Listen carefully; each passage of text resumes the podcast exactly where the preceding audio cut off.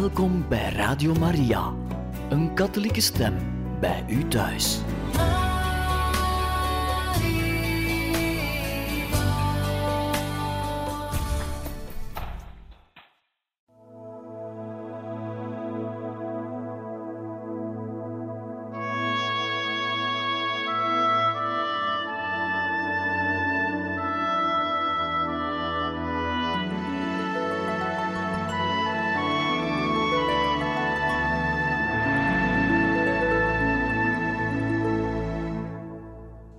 Beste luisteraars van Radio Maria, van harte welkom in het programma Heiligen Getuigen, waar wij u voorlezen uit het boek Mijn levensverhaal, geschreven door de heilige Therese van Lisieux. We waren ondertussen aangekomen in hoofdstuk 5 van het eerste autobiografische manuscript dat zij geschreven heeft, gericht aan moeder Agnes, die niet alleen haar overste was in de Karmel, waar ze is ingetreden, maar ook haar zus was.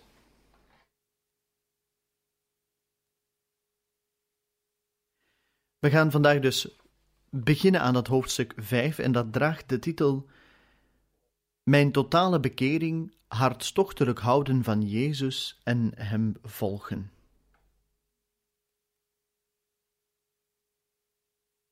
Er was een klein wonder van God nodig om mij in één klap volwassen te laten worden. Dat wonder deed hij op die onvergetelijke kerstdag. In die heldere nacht, die de heerlijkheden van de heilige drie-eenheid verlicht, deed het zoete kleine kindje van één uur de nacht van mijn ziel veranderen in stromen van licht. In die nacht, waarin hij zich zwak maakte en wilde lijden uit liefde voor mij, maakte hij me sterk en moedig. Hij bekleedde me met zijn wapenen, en sinds die gezegende nacht werd ik in geen enkel gevecht overwonnen. Ik ging van de ene overwinning naar de andere en begon, om zo te zeggen, een reuzentocht. De bron van mijn tranen was opgedroogd en opende zich daarna nog maar zelden en heel moeilijk dat rechtvaardigt wat eens tegen mij gezegd is. In je jeugd huil je zoveel dat je later geen tranen meer over zult hebben. Op 25 december 1886 kreeg ik de genade mijn kindertijd achter me te laten. In één woord, ik ontving de genade van mijn totale bekering. We kwamen terug uit de nachtmis, waar ik het geluk had mogen smaken de sterke en machtige God te ontvangen. Toen ik bij de Bissonnet aankwam, verheugde ik me er al op mijn schoentjes uit de haard te pakken. Dat oude gebruik had ons in onze kinderjaren zoveel vreugde bezorgd, dat Céline mij nog als een baby wilde behandelen, omdat ik immers de jongste van het gezin was. Papa vond het fijn mij zo gelukkig te zien en mijn vreugdekreten te horen bij elk cadeautje dat ik uit de betoverde schoentjes haalde. De uitgelatenheid van mijn koning verhoogde mijn geluk enorm, maar Jezus, die mij wilde laten zien dat ik de onvolmaaktheden van de kinderjaren af moest leggen, nam mij ook mijn onschuldige vreugden af. Hij stond toe dat papa, die moe was van de nachtmis, een beetje geërgerd was toen hij mijn schoentjes in de haard zag staan en deze woorden zei die mijn hart doorboorden. Nou, gelukkig is dit het laatste jaar. Ik ging toen gauw naar boven om mijn hoed af te zetten. Céline wist hoe gevoelig ik was, en toen ze tranen in mijn ogen zag glinsteren, moest ook zij haast huilen, want ze hield veel van me en begreep waarom ik zo verdrietig was. O Therese, zei ze, ga nou niet naar beneden. Het zal je zo'n verdriet doen als je nu meteen gaat kijken wat er in je schoenen zit. Maar Therese was niet meer dezelfde. Jezus had haar hart omgevormd. Ik slikte mijn tranen in en ging vlug de trap af. Ik probeerde het bonken van mijn hart een beetje te onderdrukken, pakte mijn schoenen en zette ze voor papa neer. Heel vrolijk haalde ik alle dingetjes eruit met een gelukkige blik als van een koningin, En papa lachte. Hij was ook weer vrolijk. En Céline dacht dat ze droomde. Maar gelukkig was dit de blijde werkelijkheid. De kleine Therese had haar zielenkracht teruggevonden, die ze verloren had toen ze vier en een half jaar was. Zo zou die nu voor altijd bewaard worden. In die nacht van licht begon de derde periode van mijn leven, de mooiste van allemaal en het meest gevuld met hemelse genaden. In één ogenblik deed Jezus wat mij in tien jaar niet gelukt was, en hij nam daarbij genoegen met mijn goede wil die mij nooit ontbrak. Zoals zijn apostelen kon ik tegen hem zeggen: Heer, ik heb de hele nacht gevist zonder iets te vangen. Met nog meer barmhartigheid voor mij als voor zijn leerlingen nam Jezus zelf het net, gooide het uit en trok het weer terug vol vissen. Hij maakte van mij een visser van zielen. Ik voelde een groot verlangen te werken voor de bekering van de zondaars. Dat verlangen was nog nooit zo sterk geweest. In één woord, ik voelde de liefde mijn hart binnenstromen, de nood om mezelf te vergeten en om plezier te doen, en sindsdien was ik gelukkig. Op een zondag keek ik naar een afbeelding van Jezus aan het kruis. Ik werd geraakt door het bloed dat uit een van zijn goddelijke handen druppelde. De gedachte dat dit bloed op de grond viel zonder dat iemand zich haastte het op te vangen, deed mij pijn. En ik besloot om in de geest aan de voet van het kruis te blijven staan, om de goddelijke dauw op te vangen die ervan afdruppelde. Ik begreep dat ik die dauw meteen zou moeten uitgieten over de zielen. De roep van Jezus op het kruis weerklonk zonder ophouden in mijn hart. Ik heb dorst. Die woorden ontstaken in mijn hart een ongekend vuur dat hevig brandde. Ik wilde mijn welbeminde te drinken geven, en ik voelde mezelf verscheurd van dorst naar zielen. Toen waren het nog niet de zielen van priesters die me aantrokken, maar die van grote zondaars. Ik brandde van verlangen die zielen uit de eeuwige vlammen vandaan te trekken. Om mijn ijver op te wekken, liet de goede God mij zien dat mijn verlangens hem aangenaam waren. Ik hoorde vertellen over een groot misdadiger die net ter dood veroordeeld was voor vreselijke misdaden. En alles wees erop dat hij zou sterven zonder berouw te hebben gehad. Ik wilde tot elke prijs voorkomen dat hij naar de hel zou gaan. Om dit te beletten gebruikte ik alle mogelijke middelen. Ik voelde wel dat ik uit mezelf tot niets in staat was, en ik bood de goede God alle oneindige verdiensten van onze lieve Heer aan, de schatten van de heilige kerk. En ik smeekte Céline een mis te laten opdragen voor mijn intentie. Ik durfde dat niet zelf te vragen uit angst dan te moeten zeggen dat het voor Pranzini, de grote misdadiger, was. Ik wilde dat eigenlijk ook niet tegen Céline zeggen, maar zij stelde me zo lief vragen en bleef zo aandringen dat ik haar mijn geheim toevertrouwde. Ze lachte me absoluut niet uit, maar vroeg me juist of ze mij helpen mocht mijn zondaar te bekeren. En dat aanbod nam ik dankbaar aan, want ik had het liefste gewild dat alle schepselen zich met mij zouden verenigen om genade voor de schuldige af te smeken. Ik voelde diep in mijn hart de zekerheid dat onze verlangens ingewilligd zouden worden maar om mezelf de moed te geven om door te blijven gaan met bidden voor de zondaars, zei ik tegen de goede God dat ik ervan overtuigd was dat Hij die ongelukkige Pranzini vergeven zou. Ik zei dat ik dat geloofde, zelfs al zou Pranzini niet willen biechten en geen enkel teken van berouw tonen.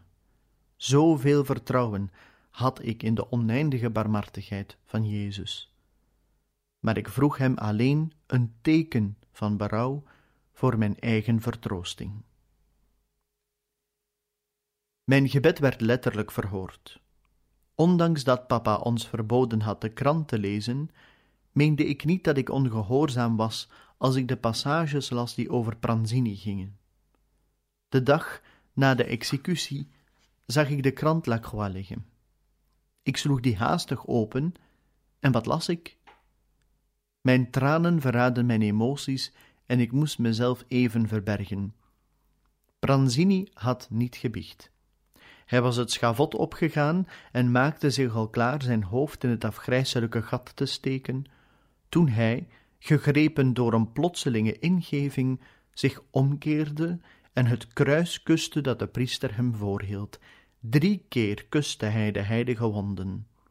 Daarna zou zijn ziel het barmhartige vonnis ontvangen van hem, die verklaart dat er in de hemel meer vreugde zal zijn over één zondaar die zich bekeert dan over 99 rechtvaardigen die geen bekering nodig hebben. Ik had het gevraagde teken verkregen, en dat teken herinnerde heel precies aan de genaden die Jezus mij verleend had om mij aan te trekken tot het gebed voor de zondaars. Het was immers voor de wonden van Jezus, bij het zien van het stromen van zijn goddelijk bloed, dat die dorst naar zielen in mijn hart opgekomen was. Ik wilde hun dat onbevlekte bloed te drinken geven, dat hen reinigen zou van hun smetten. En de lippen van mijn eerste kind drukten zich op deze heilige wonden. Wat een onuitsprekelijk heerlijk antwoord.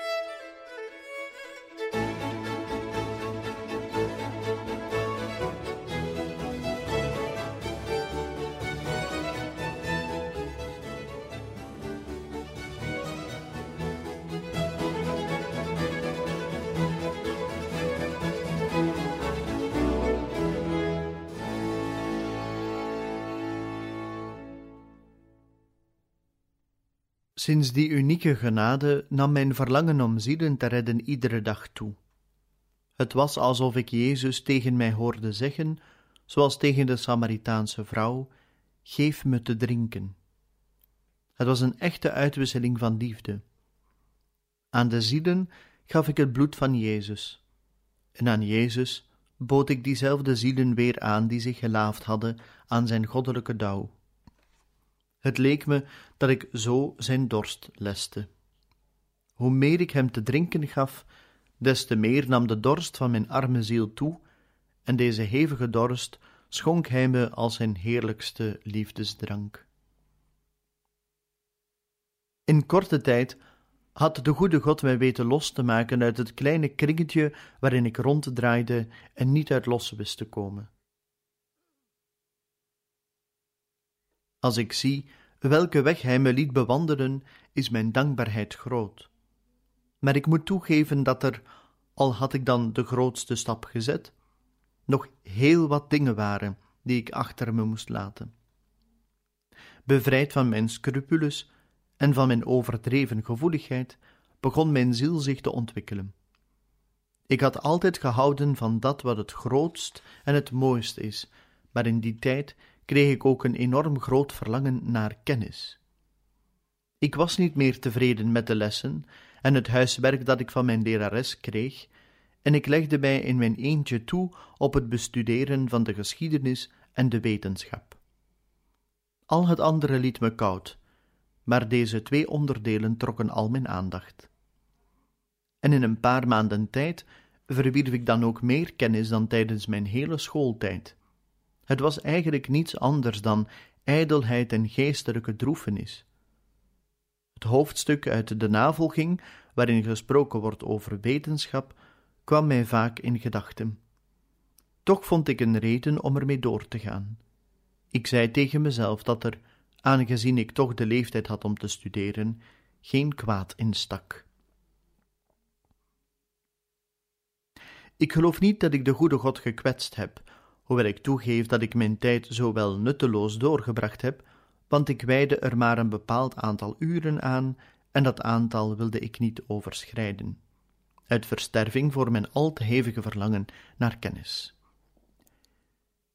Ik was op die leeftijd gekomen die voor jonge meisjes de meest gevaarlijke is, maar de goede God deed voor me wat Ezekiel ook beschrijft in zijn profetieën.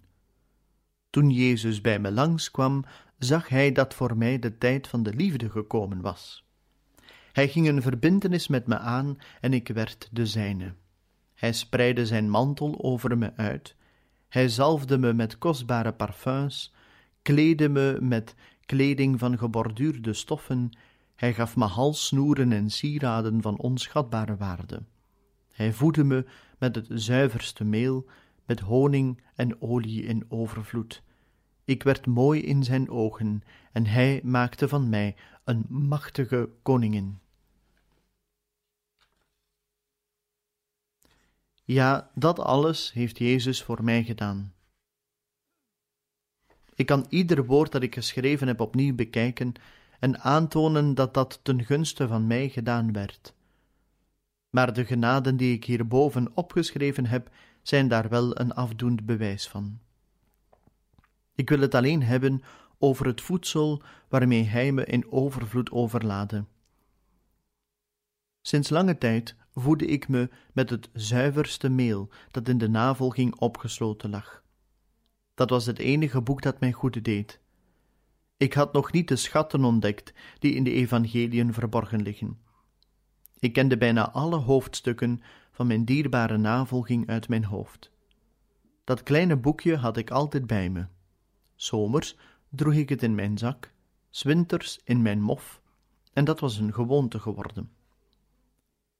Bij mijn tante thuis vond men dat nogal vermakelijk. Ze lieten het boekje dan ergens openvallen en ik moest het hoofdstuk opzeggen dat zij voor zich hadden liggen. Toen ik veertien was, vond de goede God dat ik, die zo verlangde naar wetenschap, naast dat zuivere meel ook honing en olie in overvloed krijgen moest. Die honing en die olie liet hij me vinden in de conferenties van priester Arminjon over het einde van de huidige wereld en de geheimenissen van het komende leven. Dat boek hadden de karmelitessen aan papa uitgeleend en ik vroeg of ik het ook lezen mocht, wat niet mijn gewoonte was, want ik las papa's boeken niet.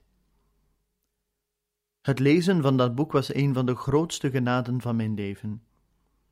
Ik las het bij het raam van mijn studeerkamer en de herinnering die ik er nu nog aan bewaar is te intiem en te heerlijk om in woorden uit te kunnen drukken. Alle grote waarheden van de godsdienst en de geheimen van de eeuwigheid dompelde mijn ziel onder in een geluk dat niet van deze wereld is. Ik voorvoelde al, niet met het menselijk oog, maar met dat van het hart, wat God bereid heeft voor hen die Hem liefhebben. Toen ik zag dat de eeuwige beloning in geen verhouding staat met de kleine offers in het leven, wilde ik Jezus beminnen, hartstochtelijk beminnen.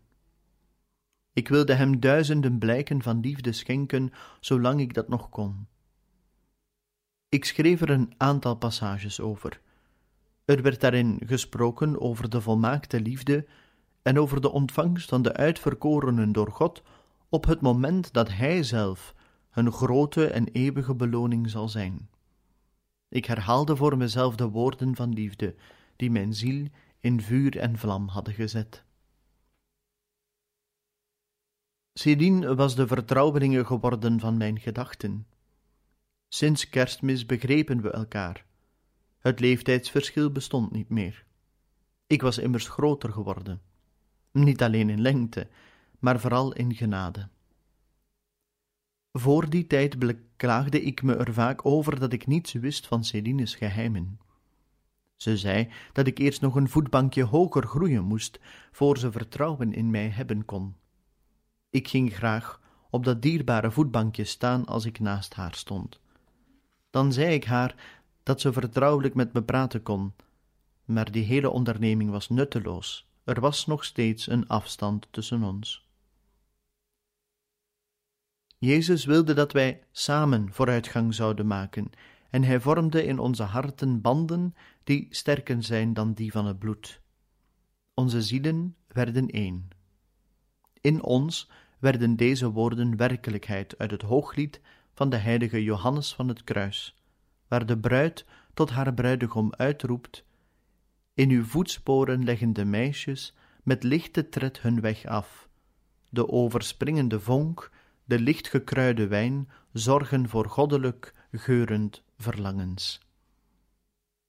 Ja, met lichte tred volgden wij de voetsporen van Jezus, de liefdesvonken die Hij met volle handen in onze zielen strooide, de heerlijke en krachtige wijn die Hij ons te drinken gaf, liet in onze ogen alle vergankelijke dingen verdwijnen.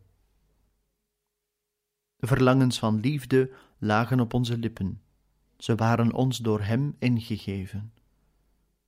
Wat een heerlijke gesprekken hadden wij in het dakkamertje. In de verte turend keken we hoe de witte maan langzaam achter de hoge bomen opkwam. De ingeslapen natuur werd door het zilverkleurige schijnsel verlicht. Heldere sterren fonkelden in het diepe blauw. Het zachte avondbriesje dreef de sneeuwwitte wolken voort. Alles verhief onze zielen tot de hemel, die mooie hemel, waarvan we nu alleen nog maar de heldere buitenkant zien. Ik weet niet of ik me vergis, maar voor mijn gevoel leken de ontboezemingen van onze ziel op die van de heilige Monica met haar zoon toen ze in de haven van Ostia in extase waren bij het zien van alle wonderen van de Schepper. Voor mijn gevoel ontvingen we genaden van éénzelfde verhevenheid, als die welke aan grote heiligen verleend wordt. Zoals de navolging het zegt, de goede God laat zich soms ervaren in een overvloed van licht, maar soms licht versluierd onder afspiegelingen en gedaanten. Op deze manier geliefde het hem zich aan onze zielen te openbaren. Maar de sluier waardoor Jezus aan onze blik ontrokken was, was zo doorschijnend en zo licht. Twijfel was uitgesloten. Het geloof en de hoop waren al overbodig geworden. De liefde liet ons op aarde Hem vinden die wij zochten. Omdat we Hem gevonden hadden toen Hij alleen was, had Hij ons zijn kus gegeven, zodat niemand ons meer zou kunnen minachten.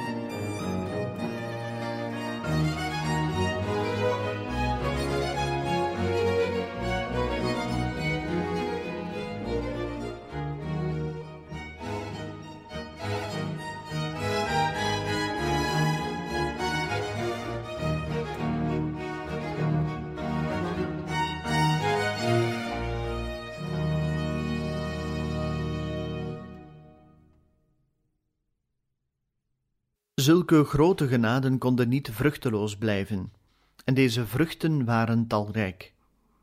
Het beoefenen van de deugd werd een zoete en natuurlijke bezigheid voor ons. In het begin verraadde mijn gezicht vaak strijd maar beetje bij beetje verdween deze indruk en het vergeten van mezelf kostte me zelfs in eerste instantie geen moeite meer. Jezus heeft gezegd: Aan wie heeft, zal gegeven worden, en wel in overvloed. Voor een genade die in trouw aangenomen was, verleende hij me er vele anderen. In de heilige communie schonk hij zichzelf vaker aan mij dan ik had durven hopen. Ik had als gedragsregel om geen enkele keer de communie te missen wanneer mijn biechtvader die toestond. Maar ik liet hem het aantal vaststellen, ik vroeg het nooit aan hem. Toen ter tijd bezat ik nog niet die stoutmoedigheid die ik nu bezit. Zo niet zou ik wel anders gehandeld hebben. Ik ben ervan overtuigd dat je je verlangen om God te ontvangen tegen je biechtvader uitspreken moet. God daalt niet iedere dag uit de hemel af om in een gouden cibori te verblijven. Hij zoekt een andere hemel die hem oneindig veel dierbaarder is dan de eerste, namelijk de hemel van onze ziel, die naar zijn beeld gemaakt is, de levende tempel van de aanbiddelijke drie-eenheid. Jezus zag mijn verlangen, en vanwege de rechtschapenheid van mijn hart stond mijn biechtvader me toe in de meimaand vier keer per week de communie te gaan. Toen die mooie maand voorbij was, voegde hij daar nog een vijfde aan toe, iedere keer als er een feestdag was. Tranen van vreugde stroomden uit mijn ogen toen ik de biechtstoel uitkwam. Het was alsof Jezus zelf zich aan mij wilde geven, want ik had nog maar sinds kort een vaste biechtvader en zei nooit iets over mijn innerlijke gevoelens. De weg die ik bewandelde was zo recht, zo verlicht, dat ik geen andere leidsman nodig had dan Jezus. Ik vergeleek geestelijke begeleiders met spiegels die een getrouwe weerspiegeling van Jezus geven in de zielen. Maar ik zei dat voor mij de goede God zich niet bediende van een tussenpersoon, maar rechtstreeks handelde. Als een tuinman een vrucht met alle zorgen omringt, omdat hij die vroeger rijp wil laten zijn, dan is dat niet om deze vrucht aan de boom te laten hangen, maar om ze op een prachtig gedekte tafel aan te bieden. Met diezelfde intentie gaf Jezus aan zijn bloempje genaden in overvloed. Hij die in de dagen van zijn sterfelijk leven eens in een opwelling van vreugde uitriep: Vader, ik prijs u dat u deze dingen verborgen hebt gehouden voor wijzen en verstandigen, maar ze hebt geopenbaard aan de kleinsten. Wilde in mij zijn barmhartigheid laten schitteren. Omdat ik klein en zwak was, daalde hij naar me af en onderrichtte me in het geheim over de dingen van zijn liefde. Als wijzen die hun hele leven hadden doorgebracht met studeren, mij waren komen ondervragen, dan hadden ze versteld gestaan bij het zien van een veertienjarig meisje dat de geheimen van de volmaaktheid begreep. Al hun wetenschap kan hun die geheimen niet onthullen. Je moet immers arm van geest zijn om die te bezitten. Zoals de heilige Johannes van het Kruis zegt in zijn hooglied: Ik bezat gids noch licht, behalve dan het licht dat brandt in mijn hart het was een betrouwbaarder gids voor me dan het licht van de middag, en bracht me naar de plaats waar hij die me volmaakt kent op me wachtte. Die plaats was de karmel. Voor ik uit kon rusten in de schaduw van hem naar wie ik verlangde, moest ik door heel wat beproevingen gaan, maar de goddelijke roep was zo sterk dat ik door de vlammen heen gegaan was om trouw aan Jezus te kunnen blijven. Om mij aan te moedigen in mijn roeping, vond ik één enkele ziel, die van mijn lieve moeder. Mijn hart vond in het hare een getrouwe weerklank, en zonder haar zou ik de gezegende oever niet bereikt hebben. Die oever had haar vijf jaar eerder ontvangen op een grond die doordrenkt was van hemelse dauw. Ja, al vijf jaar was ik van je verwijderd, moeder, en ik meende dat ik je verloren had. Maar op het moment van de beproeving was het jouw hand die mij de weg wees die ik volgen moest. Ik had jouw troost zo nodig, want de spreekuren in de karmel vielen mij zwaar. Ik kon niet spreken over mijn verlangen in te treden zonder me afgewezen te voelen. Marie vond dat ik veel te jong was en deed wat ze kon om mijn intrede te verhinderen. En om mij op de proef te stellen, moeder, probeerde je soms mijn geestdrift af te remmen. Als ik dus geen echte roeping zou hebben gehad, zou ik het al in het begin opgegeven hebben. Want toen ik gehoor begon te geven aan de roepstem van Jezus, kwam ik al direct allerlei obstakels tegen.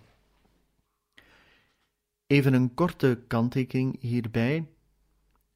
Wanneer de heilige Therese van Lisieux spreekt over haar moeder, dan heeft ze het eigenlijk over haar zus, want haar biologische moeder is natuurlijk reeds op vroege leeftijd gestorven.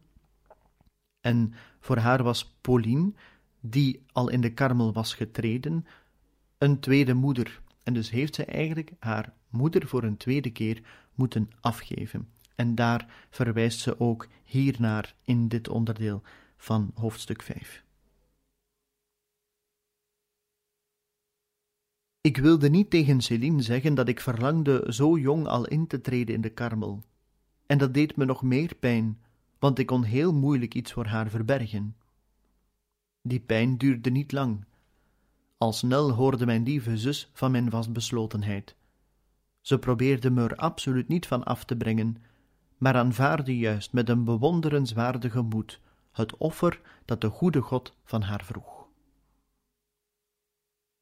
Om te begrijpen hoe groot dat offer was, moet je weten hoezeer we verbonden waren.